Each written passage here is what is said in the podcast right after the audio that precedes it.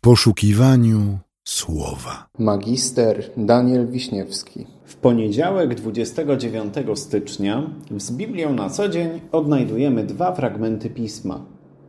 Pierwszy z nich pochodzi z pierwszej księgi królewskiej, z rozdziału 8, z wersetu 60. Oby poznały wszystkie ludy ziemi, że Pan jest Bogiem i nie ma innego. Drugi fragment zapisany jest w Ewangelii Mateusza w rozdziale 28, w wersetach 19 i 20. Idźcie tedy i czyńcie uczniami wszystkie narody, chrzcząc je w imię Boga Ojca i Syna i Ducha Świętego, ucząc je przestrzegać wszystkiego, co wam przykazałem. Każdy z nas miewa w życiu takie momenty, że nic mu się nie chce, ale siedzi i marzy. Z jednej strony myślimy sobie, ale fajnie byłoby na przykład posprzątać w domu i mieć czysto, zrobić zakupy i mieć coś w lodówce, stworzyć coś kreatywnego, zaskoczyć niespodzianką partnera lub partnerkę, przygotować się do pracy na drugi dzień. Ale z drugiej strony wizja robienia czegokolwiek sprawia taki egzystencjalny ból. No ile można? Jestem taki zmęczony. Przecież inni też się nie zajmują produktywnymi rzeczami, tylko marnotrawią czas. A może nic złego się nie stanie, jak nic nie zrobię? Może przynajmniej część z tych moich ambicji spełni się sama. Czasami tak się dzieje przecież, prawda? Brzmi znajomo. Mówię o tym, bo myślę, że nasze dzisiejsze fragmenty biblijne stawiają nas właśnie przed tymi zagadnieniami. Istnieją w życiu takie rzeczy, które chcielibyśmy osiągnąć, żeby na przykład zabezpieczyć się finansowo, zostawić po sobie jakiś ślad, poczuć satysfakcję, spełnić się.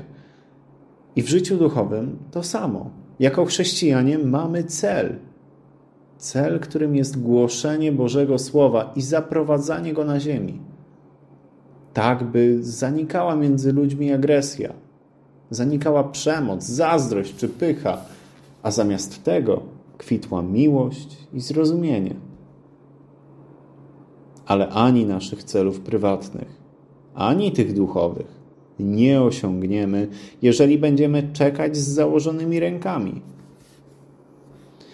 może, żeby to zobrazować, posłużę się teraz taką historią, którą usłyszałem kilka lat temu w jednym z kościołów. Jest to historia o najbardziej leniwym człowieku na świecie. Istnym królu lenistwa. Najprawdopodobniej jest ona zmyślona, ale w sumie po ludziach wszystkiego można się spodziewać. Otóż był pewien mężczyzna, o którym mówiono, że jego lenistwo przekracza wszystkie możliwe normy. Ta nalepiona mu etykietka wzbudziła żywe zainteresowanie jednego turysty, który specjalnie dla niego przeleciał przez ocean i jechał kilkaset kilometrów przez miasta i wioski. I w końcu go znalazł, siedzącego na kłodzie na skraju lasu. I ten turysta się odzywa. Och, jak dobrze, że pana widzę. Tyle pana szukałem. Pana styl życia to źródło legend po prostu. Bardzo mnie pan inspiruje. Mam tak wiele pytań w swojej głowie. I ten mężczyzna się uśmiecha pod nosem i odpowiada: Zadawaj je, śmiało.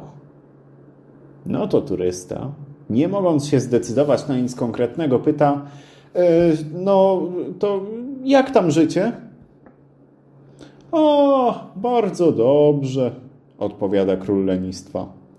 Musiałem ściąć parę drzew, żeby mieć drewno na opał na chłodniejsze miesiące, ale nadszedł wczoraj gwałtowny wiatr i je połamał. Nie musiałem nic robić. Fascynujące, ciągnie rozmowę turysta. A co to za kupa popiołu koło pana?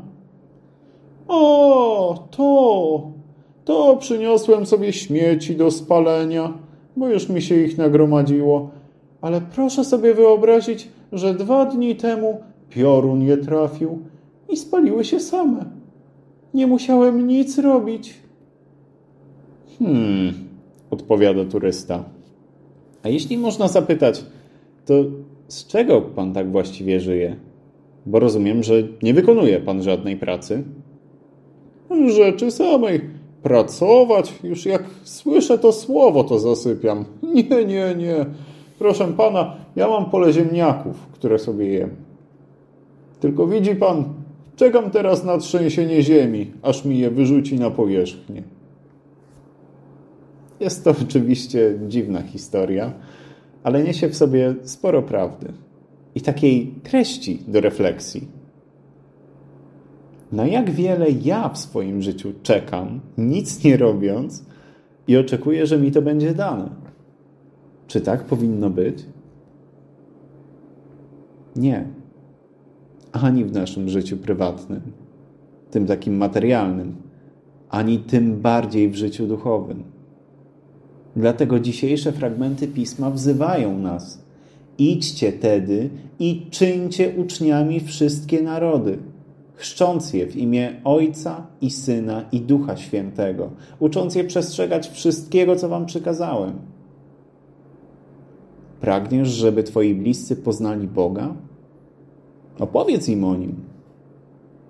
Martwisz się o znajomą ci osobę, która walczy z chorobą? Módl się o nią. Widzisz kogoś zdołowanego i pokonanego przez życie? Pochyl się nad nim i wyciągnij pomocną rękę. Zaprowadzanie na ziemi Bożego Królestwa, szerzenie poznania Boga wśród ludzi i pomoc tym, którzy znajdą się w potrzebie, to są elementy naszej odpowiedzialności jako chrześcijan.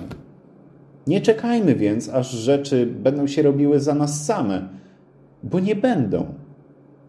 Bóg działa w świecie też przez nasze ręce. Podwińmy więc rękawy i bierzmy się do wypełniania naszego powołania, bo dzięki Bogu i Jego pomocy możemy uczynić wokół nas naprawdę wiele dobrego. Amen.